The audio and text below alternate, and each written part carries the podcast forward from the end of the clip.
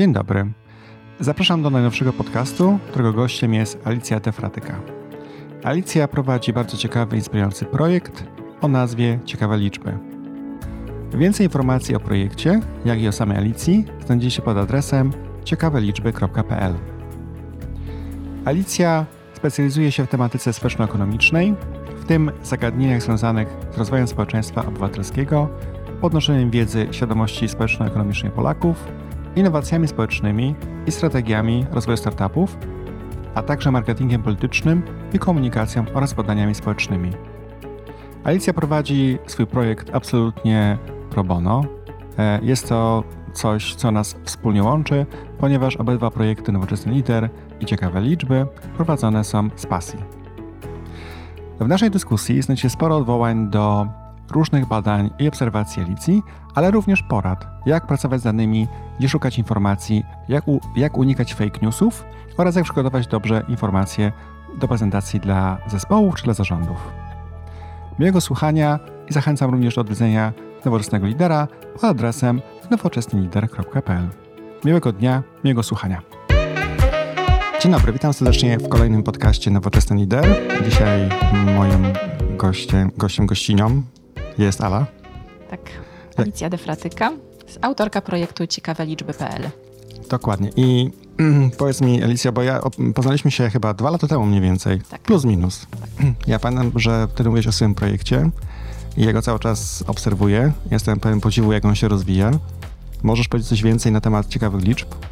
oczywiście. E, projekt e, ma już ponad dwa lata. E, przyznaję, że taki większy boom jest e, od, moment, od, od, od, ponad roku, że faktycznie zaczęło się to rozwijać zdecydowanie bardziej niż, e, e, niż, niż te początki, które były faktycznie trudniejsze. Ja założyłam ten projekt, bo mam w sobie jakieś takie poczucie misji. Zależy mi na tym, żeby ludzie byli mądrzejsi, opierali dyskusje na faktach, żeby więcej było konkretów w przestrzeni publicznej, żeby nie było fake newsów, żeby można było tą wiedzę weryfikować. Jako, że zajmuję się tymi tematami edukacji ekonomicznej i tematami związanymi ze społeczeństwem obywatelskim, to chciałam zrobić coś w prostej, łatwej, przyjemnej formie, e, właśnie uciekając od takich e, długich elaboratów ekonomicznych, wyjaśniających. Bo biorąc pod uwagę, że ludzie coraz mniej czytają, żyjemy w społeczeństwie obrazkowym i takim e, takich szybkich newsów, gdzie coś się pojawia na tablicy głównych mediów, po godzinie znika, to musi być coś na tyle fajnego, ciekawego, żeby przykuło uwagę i że nawet z jednej prostej rzeczy zostało w tej głowie coś na dłużej, niż właśnie e, długie tłumaczenie, wyjaśnianie. Też chciałam, żeby ludzie sami wyciągali wnioski. Ja, ja też tych, tych moich e, liczb, które prezentuję, najczęściej nie komentuję. Ja po prostu podaję konkrety, a to, jakie ludzie z tego wyciągną wnioski, zostawiam już im. I projekt polega na tym, że ja właśnie w prosty, przystępny sposób prezentuję liczby i dane, zestawiam je ze sobą, żeby coś wyjaśnić, zobrazować. Robię to w bardzo krótki sposób. To są dosłownie 3-4 zdania. Czasami jest wykres, czasami tabelka. I zaczęłam również robić e, sondaże. Pojawiła mi się taka możliwość jako że też e, kończyłam studia podyplomowe, gdzie, gdzie dużo o takich tematach było i gdzie, gdzie też tą wiedzę zdobyłam, postanowiłam takie sondaże robić i badać rzeczy, o których bardzo dużo mówi się w przestrzeni publicznej, e, takie tematy hot, ale de facto nikt ich nigdy nie zbadał. Wszyscy o tym mówią, coś podskórnie czują, że coś jest na rzeczy, ale nikt tego wcześniej nie spróbował sprawdzić, albo sprawdzał, i to najczęściej partie polityczne, albo jakieś instytuty badawcze, ale robiły to na swoje potrzeby żeby wyciągać wnioski e, dla swoich konkretnych e, potrzeb i celów. Natomiast mnie bardzo ciekawiło właśnie, e, jak realizowałam takie sondaże, jaka jest opinia Polaków na dany temat, ale jak też to się przedstawia w, w przecięciu nas, sympatyków różnych ugrupowań politycznych. Co ich łączy, co ich dzieli, E, I, I, właśnie myślę, że tu jest duży, duża wartość dodana e, tych moich sondaży w przeciwieństwie do innych, ponieważ ja tę wiedzę, która często była wewnętrznie gdzieś schowana, udostępniam mediom, udostępniam wszystkim, e, tak żeby tą, z tą wiedzą iść dalej w świat. I to są właśnie takie tematy, które wzbudzają dyskusję. E, tutaj podam e, przykład ostatniego sondażu, e, dotyczył tematów, które są mm, najważniejsze dla Polaków, czyli też staram się stawiać te pytania nie w taki oczywisty sposób, jak najczęściej w mediach jest, czy jesteś za bądź przeciw, albo na kogo byś zagłosował, bo tych, tych sondaży jest dużo i one są często robione, tylko um, ująć temat jakoś troszkę inaczej. Czyli tu było wyobraź sobie, że sprawujesz władzę. Ty konkretnie sprawujesz władzę i jakimi tematami społeczno-gospodarczymi zająłbyś się w pierwszej kolejności. W ten sposób można sprawdzić, co dla Polaków jest najważniejsze. I tu chodziło o tematy społeczno-gospodarcze i światopoglądowe. Bardzo fajnie to wszystko wyszło. Widać, gdzie są podobieństwa między sympatykami Platformy, Wiosny e, czy PiSu. Widać, gdzie są różnice. Dość dużo e, różnych rzeczy wspólnych jest. E, ale taki fajny przykład sondażu, który robiłam w ubiegłym roku, dotyczący wiedzy ekonomicznej Polaków. Ja to zrobiłam na bazie 500. Teraz dużo się o tym mówi po ostatniej konwencji. Ta dyskusja ruszyła. Ja ten sondaż przypomniałam. I oczywiście trafiło to w punkt. Wszyscy też mówią, tak jak mówili rok temu, teraz mówią jeszcze mocniej i więcej o tym sondażu. Też e, zawsze mnie interesowało, jaka jest e, wiedza ekonomiczna Polaków i dużo jest badań na ten temat, ale też chciałam to zbadać w troszkę inny sposób niż robią to wszyscy. Czy oszczędzasz, czy, czy to ważne e, i, i, i takie standardowe oceny wiedzy ekonomicznej. Ja to zrobiłam na bazie pytania, e, czy wiesz skąd są pieniądze na 500. I też podałam różne propozycje, e, czy to z pieniędzy płaconych przez ciebie, z Twoich podatków, czy z pieniędzy rządowych. Mm, nie ma czegoś takiego jak pieniądze rządowe, ale jako, że ta, ta kategoria pojawiała się bardzo często w przestrzeni publicznej, bo politycy mówili, że to znasz, że rząd da, E, to siłą rzeczy musiałam coś takiego zbadać i, i pojawiają się zarzuty, że ale, ale jak to nie ma czegoś takiego, jak w ogóle mogłam dać taką kategorię, natomiast byli ekonomiści, którzy ze mną polemizowali, że przecież to są tylko pieniądze rządowe. Znaczy się, że sondaż był dobry, bo wzbudził olbrzymią dyskusję. Więc to tak pokrótce, pokrótce to był całkiem długi wstęp odnośnie mojego projektu. Tak, tak, ale to jest bardzo ważne, ponieważ ja wiem też, że y, jesteś właśnie coraz bardziej cytowana przez duże media, tak naprawdę. To jest też fajny przykład liderki, która rozwinęła swój startup i rozwija go coraz bardziej. Olbrzymie gratulacje. Także tutaj dzisiaj łączymy dwie rzeczy. Jedna rzecz to są te dane oczywiście i mamy kilka pytań związanych z, z tym tematem z perspektywy lidera, ale również ty jako liderka projektu, który realizujesz, jest coraz bardziej sławny, także gratuluję ci serdecznie. A jakie media ostatnio cię cytowały, powiedz? Oj, dużo. To są media praktycznie z wszystkich stron, e, bo to są media mm, e, e, Onet, Super Express, Fakt, Wyborcza, Polityka, Newsweek, wprost do rzeczy. W, w Polsat News się czasami wypowiadam, Radio dla Ciebie, bardzo różne media, no, Polska Times, dużo różnych. Gratuluję Ci serdecznie. To też ten radio dla Ciebie możemy chyba podlinkować, bo pamiętam, że też miałaś link do tego tak, swojego tak, wywiadu, tak, prawda? Tak, tak. Fajnie, to będziemy jeszcze na blogu mieli też e, link do tego wywiadu z Tobą. No dobrze, ale z perspektywy li lidera, e, e, na taki temat się mówiliśmy, że o tym porozmawiamy. Jedno z takich pytań, dużo osób mówi na przykład, jak pytasz się ogólnie o wiedzę, pytasz się o wiedzę ogólną tak. osób, to słychać informacje, ale to nie jest mój obszar, bo mnie to nie interesuje, prawda? I teraz z twojej perspektywy, jako osoby, która przygotowuje najróżniejsze przekrojowe mhm. zadania i masz też kontakt z różnymi osobami, liderami, liderkami, ym, kierunek właściwy, gdzie mogą omijać pewne tematy, które ich interesują, są niewygodne? Nie, absolutnie nie. Ja uważam, że lider powinien być wszechstronnym. To nie chodzi o to, że on musi wiedzieć e, konkretnie, e, co się dzieje w danym obszarze spoza jego dziedziny zainteresowania, ale musi chociaż mieć jakieś blade pojęcie na, te, na takie szeroko pojęte tematy społeczno-gospodarcze, ponieważ skoro jest liderem i e, ma zespół, to, to są różne osoby, które mu podlegają, którymi zarządza. I te osoby mają różne problemy, różne tematy ich interesują. I jeżeli taki lider nie interesuje się niczym więcej poza swoją e, działką, na przykład e, zarządza sprzedażą e, w firmie farmaceutycznej i e, zna się tylko na tych tematach związanych z, z, z lekami, a nie ma już szerszego pojęcia na temat medycyny, edukacji, starzenia się społeczeństwa, e, wydatków na służbę zdrowia, tematów związanych z propozycjami polityków na usprawnienie tego ale nawet tego, co lubią seniorzy, e, jak spędzać, jak lubią spędzać czas ci, którzy właśnie potencjalnie te leki kupują, to ja myślę, że on nie, nie, nie będzie takim skutecznym liderem. To, to, to jest taka wiedza, mm, która naprawdę przydaje się mm, i do tego, żeby lepiej rozumieć różne procesy, e, bo, bo nie ma takich tematów pozostawionych e, tylko samemu sobie, że to jest tylko jeden temat i on się z niczym nie łączy. Tak jak tutaj wspomniałam, nawet to medycynę. To się, to się łączy z każdym jednym obszarem naszego życia.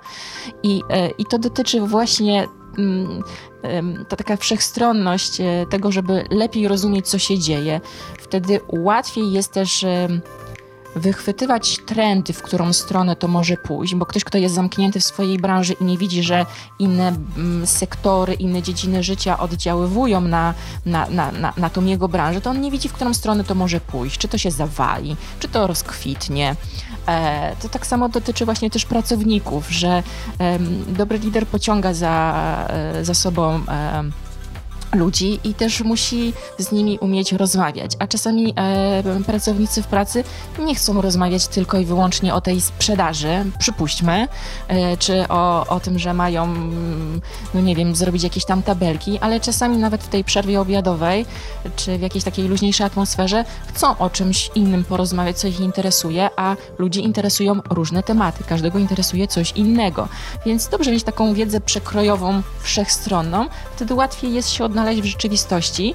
I, i to też jest y, potrzebne właśnie, żeby nie ulegać różnym fake newsom, bo ktoś, kto ma wiedzę ze swojego obszaru, nie interesuje się innymi rzeczami, to jeżeli w innym obszarze pojawia się coś, on nie ma bladego pojęcia, e, jak na przykład y, działają banki i nagle pojawia się jakaś, jakaś y, mocna informacja, a on nie ma żadnej informacji na ten temat wcześniej zdobytej, on jest w stanie bardzo łatwo ulec takim populistycznym jakimś hasłom, e, szerować fake newsy, bo przeczytał pierwszy raz. Natomiast jak już ma jakieś blade pojęcie, to jest w stanie chociaż wyciągnąć wniosek, e, nie szerować dalej na przykład na Facebooku czy na, na Twitterze jakichś informacji niesprawdzonych.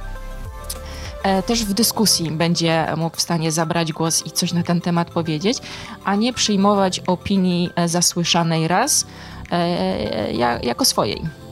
To właśnie mm, poruszyłaś ciekawy temat, bo dzisiaj, żeby zabrać głos, głos dyskusji na jaki chyba na jakikolwiek temat, e, to jest to chyba też kwestia tego, e, czy, czym dłużej jesteś, e, czy masz, jesteś starsza, masz większe doświadczenie, tym więcej wiesz, czego nie wiesz. Jest taka tak. ogóle krzywa pokazująca, jak ludzie, którzy są wyedukowani, mają dużo wątpliwości, bo widzą, ile nie wiedzą, prawda? I teraz to, to właśnie to wspomniałaś, te szerowanie, nawet moi znajomi niektórzy, tak mówiliśmy przed nagraniem. Widzę, że wyszerowali wiadomość na Facebooku, która mówi zabił, uciekł, ale jak wchodzisz później w artykuł, to nie ma, to ma słowa o tym, że zabił, być może uciekł, tak naprawdę. I to jest też kwestia tego, żeby lider jednak był odpowiedzialny za to, co, jak buduje tą społeczność i tak. co przekazuje dalej, prawda? Tak. Właśnie taka wszechstronna wiedza um, jest takim rodzajem szczepionki na, na fake newsy i na różne jakieś takie bardziej populistyczne albo nieprawdziwe informacje, które E, które się pojawiają.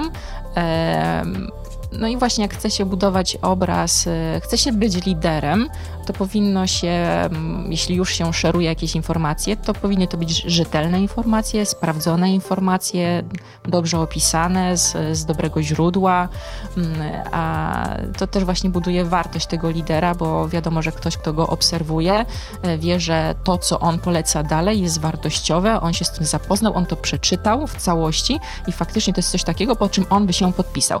Ja przyznaję, że e, sama obserwuję niektórych moich znajomych, znajomych, których uważam za bardzo dobrych liderów.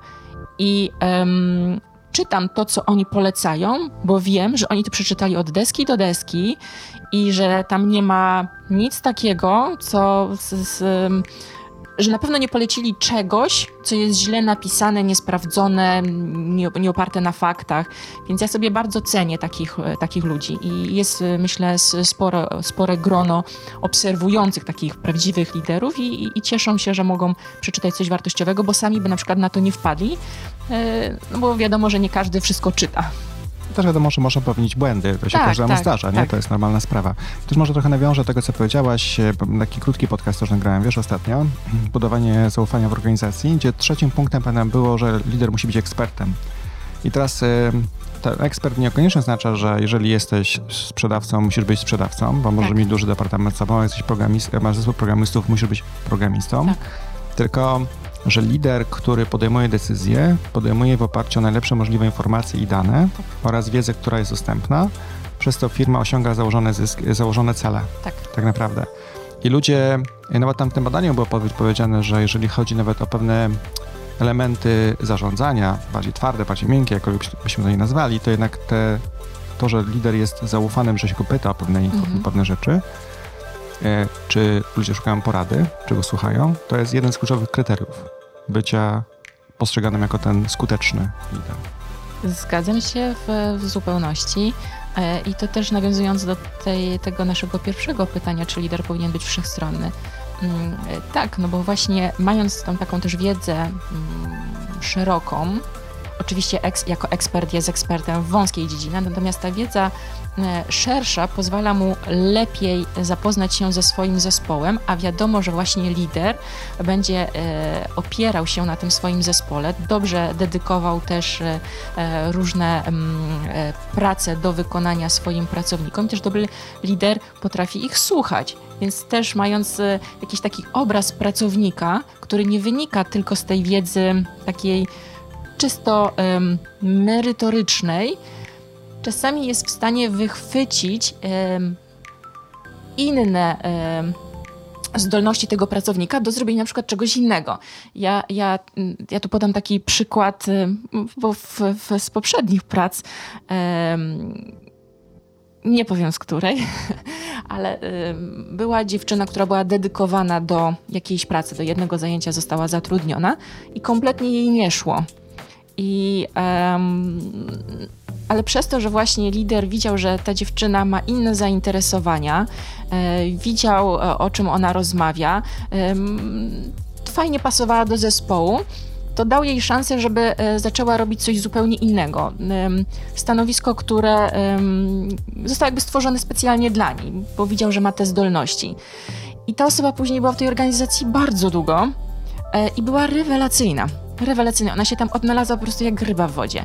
I gdyby ten lider był tylko zamknięty na tą, że przypuśćmy ona ma sprzedawać, i, i patrzył na nią pod kątem tego, że no, nie zrealizowała tego budżetu, więc nie nadaje się, wylatuje, to straciłby fantastycznego pracownika, gdyby właśnie nie potrafił jej słuchać, nie miał takiej wiedzy, takiej też takiej społecznej po prostu. E, I a po co tracić dobrego pracownika, skoro można go z pożytkiem wykorzystać? Też właśnie zachęcam przy okazji do podcastu, o którym z Iwoną e, rozmawialiśmy o budowaniu swojej przyszłości w oparciu o talenty i ona właśnie też podawała przykład, w którym um, pomimo jej osobego angielskiego została wytypowana przez szefa na bycie osobą, która mm. będzie woziła jakichś gości po Warszawie, bo ona miała tą łatwość komunikacji, łatwość angażowania się w rozmowę, była osoba, która super miała angielski, natomiast miała bardzo dużą barierę budowania relacji. I to jest właśnie to, co mówisz, on to dostrzegł, że to wiesz, zupełnie to jest też niezwiązane z jej pracą, aczkolwiek się to bardzo spodobało i później kariera jej poszła w zupełnie innym kierunku również dzięki temu. Dobrze, a powiedz mi, to jakbyś może trochę powiedziała, bo liderzy prędzej czy później, yy, i czy pewnie większa firma tym pewnie częściej, i czym wyżej też częściej, korzystają z badań albo korzystają z raportów. Gdybyś może powiedziała, jak wyglądają może, jak wygląda taki proces, proces badawczy, jak ty badasz pewne elementy jest kilka metod realizowania badań, bo są e, badania realizowane metodą face-to-face. E, to są badania realizowane w Polsce obecnie głównie przez, e, jeżeli chodzi o polityczne, to robi je CEBOS. Mamy badania robione metodą telefoniczną i mamy panel internetowy metoda KAWI. Ja korzystam z tej trzeciej metody. Każda metoda badawcza ma swoje wady i zalety. Każda w zależności od tego też, co chcemy badać, jakie mamy jaki mamy budżet na realizację, jak chcemy szybko coś takiego zrealizować. Mm, w przypadku metody face to face najczęstszy argument, który podaje się jako e, taki element trochę dyskredytujący, to jest efekt ankietera który powoduje, że e, ludzie mimowolnie zaczynają odpowiadać tak, jak myślą, że oczekuje tego ankieter. E, więc nie ma tej anonimowości i to nie jest efekt zamierzony, to nie jest manipulacja zamierzona, ale ona jest badana i to działa, że ludzie nie odpowiadają zgodnie ze swoimi preferencjami, tylko myślą, że ankieter oczekuje od nich takiej odpowiedzi. To jest widoczne w badaniach politycznych, ale też w innych e, konsumenckich. E, w przypadku telefonicznych również e, mamy, w przypadku każdej z, z, z, z tych metod mamy też kwestię doboru próby. To też jest coś takiego, że w przypadku telefonicznych większa jest skłonność ludzi o bardzo skrystalizowanych poglądach do uczestnictwa w takich badaniach niż na przykład ludzie, którzy często nie mają własnego zdania na żaden temat. Oni częściej odmawiają, więc wtedy ci ludzie bardziej tacy konkretni uczestniczą w badaniach. I to też jest kwestia, o, o, o, tym się nie mówi aż tak bardzo głośno, ale że no, um, dawniej ludzie chętnie uczestniczyli w takich badaniach, tego było mniej, teraz jest tego znacznie więcej, więc jak nawet um, może nasi słuchacze też sobie przypomną przykład, jak zadzwoniła pani w godzinach pracy i pytała, czy weźmie pan udział w badaniu konsumenckim. To jak ktoś jest zajęty, to nie, nie, teraz jestem zajęty, prawda? Więc w przypadku internetowych badań też, może, też jest taki zarzut, że no, jednak badamy tylko tych ludzi, ta populacja, ona jest reprezentatywna dla Polski, ale jednak y, ci siłą rzeczy, którzy korzystają z internetu prawda? Czyli tam jakieś tam parę procent nam odejdzie, bo nie całe społeczeństwo polskie korzysta z internetu. Ale znowu ta metoda jest najbardziej anonimowa bo w przypadku internetowych e, badań e, ludzie najbardziej swobodnie odpowiadają, bo wtedy nikt ich nie słucha, nikt nie, wy, nie wymusza jakichś tam odpowiedzi albo nie mają tej, tej takiej mm, presji, że muszą jakoś odpowiedzieć. Więc mówię, każda ma wady i zalety. Ja korzystam akurat e, z badań realizowanych na panelu Ariadna, czyli ta metoda mm, trzecia, o której wspomniałam. I to jest tak, że zanim ja zrobię badanie, to muszę wpaść na dobry pomysł takiego badania. I przyznaję, że to nie jest tak łatwo wymyślić taki temat, który będzie. Mm, ciekawy, badał coś, o czym się mówi, a nie zostało zbadane i ujmie to w taki sposób, żeby właśnie dziennikarzy, publicystów, w ogóle społeczeństwo zainteresować takim badaniem, jak na przykład ten o 500+.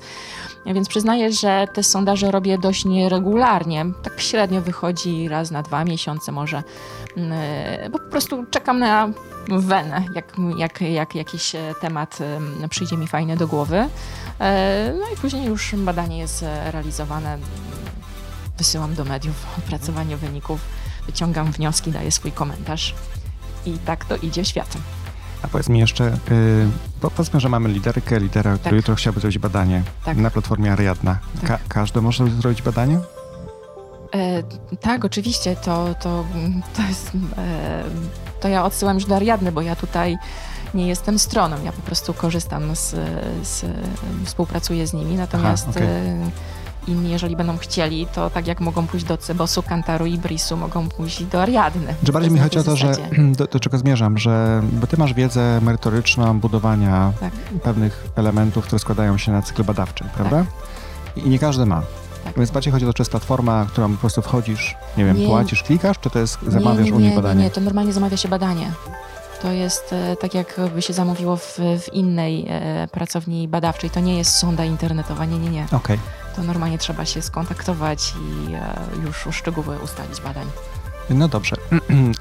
To, to jeszcze zadam takie pytanie, bo mamy też taką, znowu wracając do metodologii, prawda? No bo to jest z perspektywy mhm. litera chyba też istotne, no bo ludzie mają tendencję w każdej firmie, czym większa, tym więcej, no bo jest trudniej trzymać relacje personalne, tylko musisz robić to mailowo i tak dalej, robienie ankiet. Tak. Prawda? E, I to jest dobre narzędzie, tylko pewnie trzeba się tego przygotować. Czyli pewnie chcesz wiedzieć, co chcesz zbadać i dobrać odpowiednie pytania. Możesz dać jakieś porady osobom, aby przygotowując nawet pytanie, czy jesteś znaczy, szczęśliwa trzeba znać w ogóle cel, bo, hmm? bo oczywiście są różne narzędzia do robienia i sama też w pracy wykorzystuję tego typu e, narzędzia. Mm, że można na, na narzędziach Google na przykład, prawda, mhm. zrobić e, ankietę. Mm, też bardzo fajnie to wszystko działa, ale główna rzecz to jest po co to badanie robimy i um, jaka, jaka wiedza nam jest, um, co chcemy osiągnąć przez to badanie, bo um, czasami mam wrażenie, że jak widzę niektóre badania, to tak ktoś siadł, wymyślił pytania, bo takie się często zadaje i później są te wnioski i tak patrzę na te wnioski, ale co z tego wynika? Nic. W sensie jakby nie poszerza to kompletnie mojej wiedzy. E, że jakby trzeba sobie postawić pytanie, czy odpowiedź na dane pytanie faktycznie mi coś da. Czy ja się czegoś dowiem? Jacy są tu przy, w przypadku pytań na przykład pytań pracowniczych, czego ten pracownik oczekuje? w zależności od tego, jaki mamy cel oczywiście badania. Natomiast kwestia jest też, jak skonstruujemy pytanie i jak skonstruujemy odpowiedź. E, to jest zasada i do sondaży, i do ankiet. Nie może być pytań ani odpowiedzi sugerujących. E, to jest stosowana manipulacja, ktoś, kto.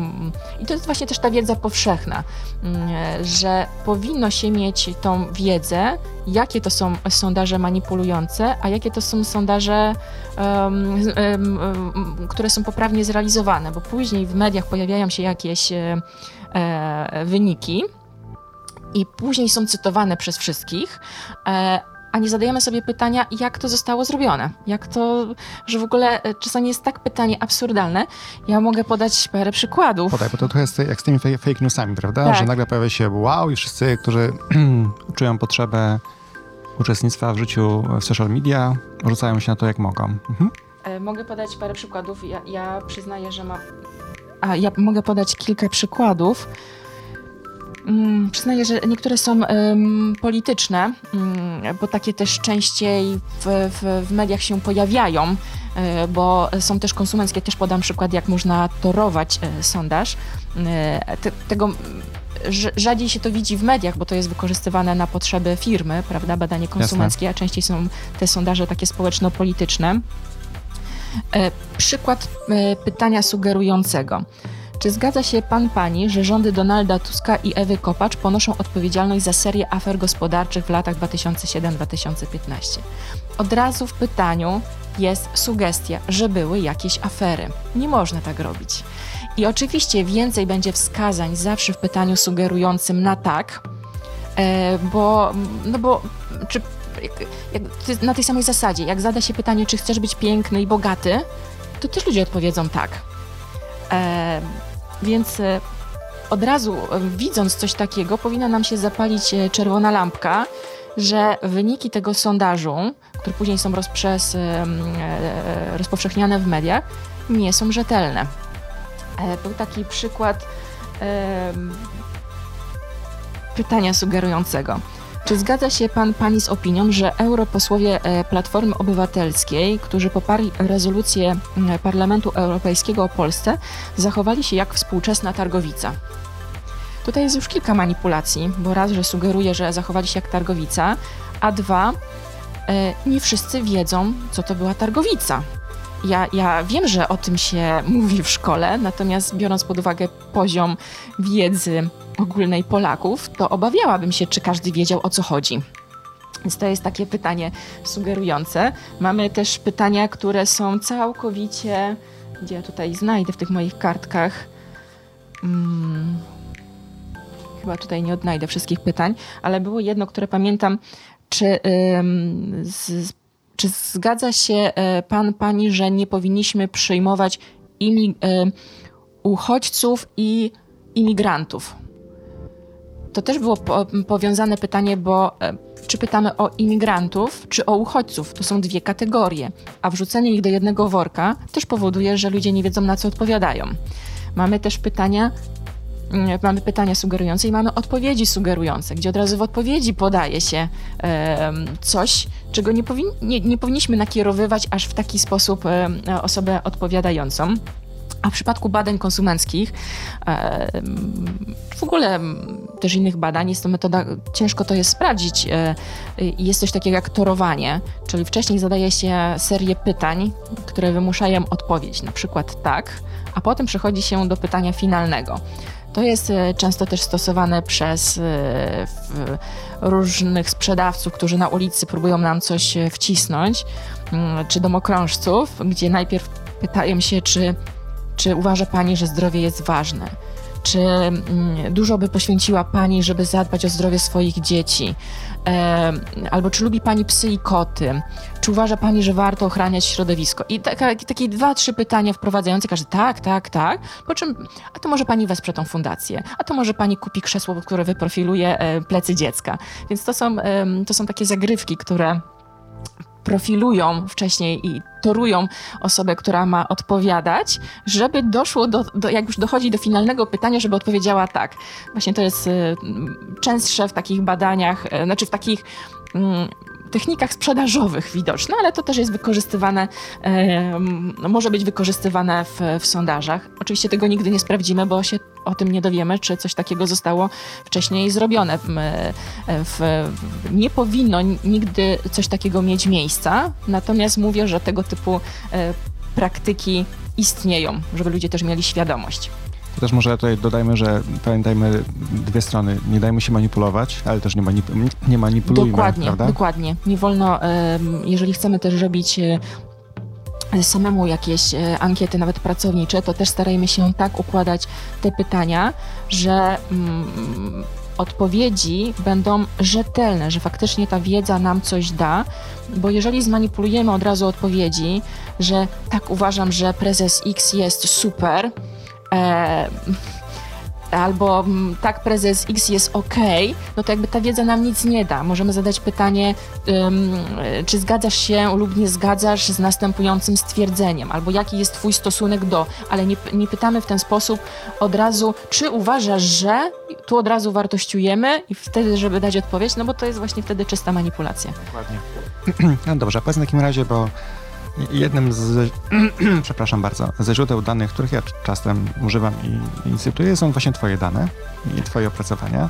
Może akurat bardzo ciekawe pokazują jeszcze społecznie. A powiedz mi, jak ty szukasz e, wartościowych i zaufanych źródeł danych? Jednym z nich że są ci znajomi, czy liderzy, którzy, których znasz i cenisz, prawda? Ale poza tak, tym. To, to jest bardziej, żeby wzbogacić swoją wiedzę, bo to bardziej oni, oni szerują jakieś różne ciekawe artykuły, które faktycznie powodują, że ja się czegoś nowego dowiaduję.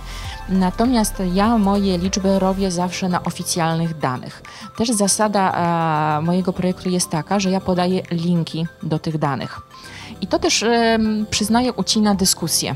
E, bo nawet jak ktoś chce mnie później zhejtować, że skąd ja mam takie dane i w ogóle co to jest, że ja tutaj powymyślałam, ja odsyłam do źródła. Wszędzie jest podane źródło. E, ja szukam danych w oficjalnych statystykach albo urzędowych. E, bardzo dużo mam danych z GUS-u, z Eurostatu, z OECD, ale szukam też e, danych typu w Ministerstwie Sprawiedliwości. W, w, teraz sprawdzałam dane na temat osób, które uchylają się od obowiązkowych szczepień. Tu mam dane z Państwowego Zakładu Higieny. Więc to są instytucje, które konkretnie zajmują się danym tematem i wiem, że no, no, nie ma lepszego źródła niż na przykład Państwowy Zakład Higieny, który się konkretnie zajmuje tym tematem. Więc jeżeli ktoś mi poda jakieś inne dane prezentowane przez kogoś, to ja wiem, że to już niekoniecznie będą dane prawdziwe, bo tylko jedna ta jednostka zbiera mm, e, tego rodzaju informacje. Więc ja zawsze e, wyszukuję w, w, rzetelnych źródłach i zawsze też podaję e, linki do, do, do tych źródeł, żeby móc, e, móc e, odesłać, żeby każdy mógł sobie sprawdzić. Chyba nie podałam dwa czy trzy razy, ponieważ miałam w ramach dostępu do informacji publicznej przekazane informacje, więc pisałam, że to są w ramach dostępu do informacji publicznej, bo wtedy e, e, jak dostaję Excela otrzymanego w ramach dostępu do informacji, no to, no to tego nie da się wprost pokazać. E, całego Excela, no bo ja biorę wtedy ten wycinek e, tych danych. Tak robiłam na przykład e, dane w ramach dostępu do informacji publicznej na temat ilości gimnazjów, które zostały zlikwidowane. To były dane z menu. A ile, i też sobie zrobiłam własne przeliczenia, ile szkół prywatnych powstało na kanwie tej reformy edukacji. Ja tak z ciekawości, jakie są wyniki? Nie, nie przytoczę teraz, okay. ale, mm, ale był duży wzrost właśnie ze względu na reformę edukacji, bardzo duży wzrost liczby uczniów przypadających w ogóle na jedną szkołę to raz, a dwa nie chcę tutaj przytaczać błędnych, bo nie mam akurat tych wydrukowanych, ale, ale duży był wzrost, to można na stronie sprawdzić, w szkołach prywatnych. To podlinkujemy do tego tak, po prostu. Tak, mhm, tak, Dokładnie. Są w szkołach e, duży wzrost ze szkół prywatnych. Super. No to mamy w naszym procesie na razie robimy badania. Tak. Mamy źródła danych. Tak. I teraz przychodzi moment, że musimy je zaprezentować. Tak. I jaką miałabyś złotą myśl rekomendacje dla ludzi, jak, jak z tego chaosu zaprezentować dane? To jest kilka rzeczy. Tutaj to jest właśnie tutaj można opowiadać e, dużo, jak prezentować dane, żeby w ogóle fajnie z nich wyciągać wnioski, żeby coś było widać i, i żeby łatwo to zakomunikować. Ja tu podam, tu mam kilka takich przykładów. Raz, że dobrze jest mieć punkt odniesienia, bo jeżeli nie mamy tego punktu odniesienia, to ciężko wam, ciężko w ogóle mm, e, wyobrazić sobie nam, co ta liczba znaczy. E, tutaj taki pomysł mi nawet wczoraj przyszedł do głowy bardzo obrazowy, jak nawet widzimy Marcina Prokopa w telewizji, który stanie e, obok bardzo wysokiej osoby, to nikt nie widzi, że on jest duży, że on jest wysoki. Natomiast jak stanie e, już obok Doroty Wellman, prawda, to widzimy, że jedna osoba jest wyższa, a jedna niższa. I to samo jest z danymi, że czasami musimy zestawić liczbę z czymś innym, żeby po prostu ją zrozumieć, bo nie mamy zupełnie, e, zupełnie odbioru. Bo nie wiem, czy, nie wiem, czy ona jest istotna, prawda? Tak, konkretnie, dokładnie. I ja tutaj um, podam parę takich przykładów takich fajnych, bo, bo to właśnie jestem zdania, że przykłady najlepiej obrazują. E, jeden jest przypadek dość drastyczny, przyznaję, bo tutaj dotyczy um, samobójstw.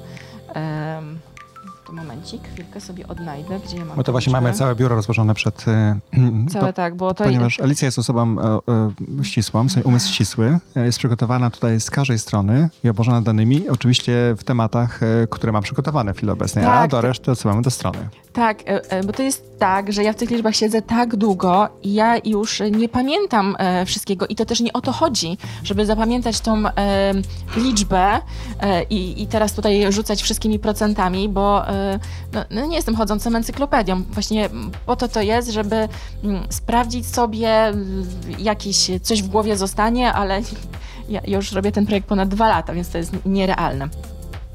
Ale e, tutaj właśnie jest przykład, przyznaję, że dość drastyczny, natomiast chyba najbardziej obrazowy, zestawiający dwie różne rzeczy. Mm, dużo się mówi o wypadkach i o tym, jak dużo osób ginie w wypadkach drogowych.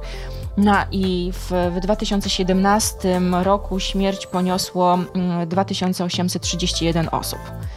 I dopiero w momencie, jak zestawimy to z liczbą mm, osób, które popełniły samobójstwa, to zdajemy sobie sprawę, jaka jest skala problemu. Dlatego, że e, prawie dwa razy więcej ludzi popełniło samobójstwo niż zginęło w wypadkach drogowych.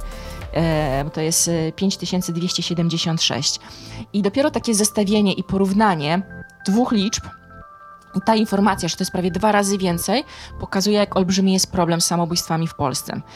E, i, I, mówię o tym, ten przypadek jest bardzo drastyczny, ale bardzo obrazowy, bo większość, bo nawet jak pytałam znajomych i w ogóle jak tą liczbę opublikowałam, to też ona um, wywołała, odbiła się głośnym echem, no bo ludzie nie mieli w ogóle pojęcia, bo jak tylko by się podało e, tą liczbę samobójców, czy liczbę osób ginących w wypadkach, okej, okay, nie mamy porównania, a dopiero teraz widzimy. Ważne jest też e, porównywanie w czasie, w horyzoncie czasowym, czyli jak coś zmieniło się na przestrzeni e, lat. I tutaj też taki przykład e, dotyczący jazdy pod wpływem alkoholu. Też się o tym bardzo dużo mówi, media podają, zawsze są e, wszystkie te, te akcje policyjne, mówią ile osób było pod wpływem alkoholu. I tutaj na przykład w 2017 roku pod wpływem alkoholu mm, osoby spowodowały 2788 wypadków drogowych. I intuicyjnie wiemy, że to jest dużo. No bo nie powinno być ani jednego wypadku spowodowanego e, przez osobę pod wpływem alkoholu. Osoba nie powinna siadać za kierownicę. Ale jak spojrzymy, jak to było w 2007, czyli cofniemy się e, sporo wstecz, to widzimy, że wtedy osoby pod wpływem alkoholu e, spowodowały 6503 wypadki drogowe. Czyli to też jest ponad dwa razy więcej. Czyli widzimy, że ta, te, te wszystkie akcje policji są skuteczne, że uświadamianie społeczeństwa, e, że nie wolno siadać e, po alkoholu za kierownicę przynoszą sens. Ale właśnie dopiero jak zestawimy to z danymi w dłuższym horyzoncie czasowym, widzimy, że ten efekt jest, bo jak porównamy czasem, jak tam w mediach się podaje, że rok temu o tej porze zginęło więcej, czy więcej ludzi było pod wpływem alkoholu, to mamy wrażenie, że to cały czas rośnie. Nie, rok e, to systematycznie spada, ale oczywiście jak wybierzemy jakiś tam okres typu święta do świąt, mogą, mogą być takie okresy, że faktycznie w, w te święta było więcej niż e, w poprzednie, ale rocznie tendencja jest spadkowa e, i, i to właśnie pokazuje Eee, wtedy nam, jesteśmy w stanie sobie wyobrazić jakieś to, to zjawisko. Tak samo e, ta liczba... O... Ja tylko może dodam jeszcze do tego, bo tam może dać jeszcze kontekst prawda, do tego badania, mówiąc, że 2007-17 to tak. jest przestrzeń czasowa i podać również informację, ilu kierowców więcej czy mniej mamy w tym czasie, którzy mają uprawnienia i ile samochodów, tak, prawda? oczywiście, bo o, tutaj też jest du du duży temat, bo e, Polska akurat e, przoduje, jeżeli chodzi o ilość samochodów na tysiąc mieszkańców. Też jest na to liczba. Też sprawdziłam e, od lat 90. czterokrotnie nam wzrosło. Mamy 571 samochodów na tysiąc mieszkańców, więcej niż w Niemczech, niż we Francji, niż na Słowacji, więc tak. E, więc to, to, oczywiście do każdej liczby można podać drugą kontrliczbę, żeby jeszcze lepiej zobrazować. Natomiast e, ja podaję te liczby krótkie, e, bo jakbym już to podała z tymi innymi, no to już wtedy wchodzimy w ten, to, to o czym mówiłam na początku, w dłuższy artykuł, e, ale już zakładam, że to dziennikarze i inni publicyści e, takie tematy ogarną. Jak najbardziej, bardziej tylko, że ja też lubię jak mówię o danych, bo też jak lider idzie do spotkania, na którym masz na przykład 10 osób do przekonania, tak. prawda? No to oczywiście stosuje się różne techniki, przygotowałem na przykład e, większości na, przed spotkaniem, że oni to pięciu z dziesięciu już cię popiera, na przykład, bo rozumie mhm. ten temat dobrze i ono wasz jest dobre. Nie? Chodzi o to, że to nie manipulacji, tylko oni po prostu kupili temat. Tak. Ale jak wchodzisz na przykład na spotkanie i masz tam 10 osób i możesz przekonać do wydania 20 milionów funtów, dolarów, czegokolwiek, mhm to, to nie jest łatwy temat i to na się na jednym spotkaniu nie skończy. A jeżeli masz holistyczne podejście, to takie całościowe do tego tematu i oni zaczną zadać pytania, no dobrze, ale to w kontekście tego, jak to wygląda, a w kontekście tego, to czym lider bardziej przewidzi te pytania i przygotuje się z danymi, tym szybciej mu pójdzie. No oczywiście, że nie? tak. Oczywiście, że tak. Więc chodzi o to, że, że ten kontekst i to holistyczne podejście jest o tyle istotne, że to biznesowo jest bardzo ważne, a w szczególności w firmach, gdzie mhm. teraz w ogóle szukam, wiesz, mojego tutaj takiego mm, raportu z tego wczoraj, gdzie jedną z kluczowych umiejętności w firmach jest absolutnie e, analiza, rozumienie danych. Tak. To jest jedna z kluczowych umiejętności w przyszłości, więc jeżeli ktoś tego bardzo nie lubi, no to chociażby rozumiał, jak to robić, bo nie każdy ma takie skłonności, ale to jest big, big data i analiza danych bez względu na profil firmy jest jedną z kluczowych umiejętności dzisiaj. Tak, e, zgadzam się. Ja, ja teraz w pracy mm, mm, przygotowuję raport dotyczący trendów przemysłowych i, i jakby te big data to jest, to jest coś, od czego nie uciekniemy. E, to będzie w każdej praktycznie dziedzinie życia i bez umiejętności operowania danymi, rozumienia danych, po prostu um, firmy i liderzy się nie odnajdą. E, bo, bo, bo ten, kto będzie tą wiedzę e, posiadał, E, na pewno na rynku wygra, więc cała reszta będzie musiała mm, gonić tych wszystkich innych, więc musi tą wiedzę posiadać. Tutaj jeszcze wracając e, e, do tego prezentowania danych, tutaj jeszcze taki przykład właśnie z tymi osobami uchylającymi się od obowiązku szczepień. Też jak pokażemy czasami niektóre dane na wykresie, gdzie faktycznie widać, że, że jest trend bardzo wznoszący, to, to jest tak obrazowe, no, że ciężko w ogóle z tym polemizować, gdzie, gdzie ponad ośmiokrotnie wzrosła liczba osób uchylających się od szczepień. Nawet to ośmiokrotnie może, jak się tak mówi, mniej działać na wyobraźnię, niż jak zobaczy się wykres, jak to rośnie. Jak już sobie wyobrażamy, to cały czas rośnie. E, więc właśnie takie przedstawienie danych mm, e, w horyzoncie czasowym, czy przedstawienie w zestawieniu z jakąś inną daną, e, powoduje, że od razu mamy ten punkt odniesienia i łatwiej nam się interpretuje. Ale to też jest kwestia komunikacji. Bo ja tu podam przykład też bardzo obrazowy. Jak można zaprezentować dwie rzeczy? W Warszawie, to jest przykład, w Warszawie w grupie wiekowej 25-39 lat na koniec 2017 roku było ponad 233 tysiące kobiet i ponad 207 tysięcy mężczyzn. Kropka. Są przedstawione dane, są ze sobą zestawione e, e, dane dotyczące kobiet i mężczyzn. A proszę zobaczyć, jak to zupełnie inaczej brzmi, jak e, te dane przeliczymy prawie 113 kobiet przypadało na 100 mężczyzn w Warszawie w grupie wiekowej 25-39 lat. Zupełnie inaczej. I po prostu ta liczba, jak już jest 113 kobiet na 100 mężczyzn, to jest zupełnie inna percepcja. To są te same dane, e, one nie są zestawiane ani z innymi danymi, ani w, w horyzoncie czasowym. Są tylko zestawione jedna z drugą. I od razu jak już panowie w ogóle, jak to więcej kobiet, jacy nieszczęśliwi, panie e, przerażone, bo co ósma statystycznie w Warszawie w tej grupie wiekowej będzie sama.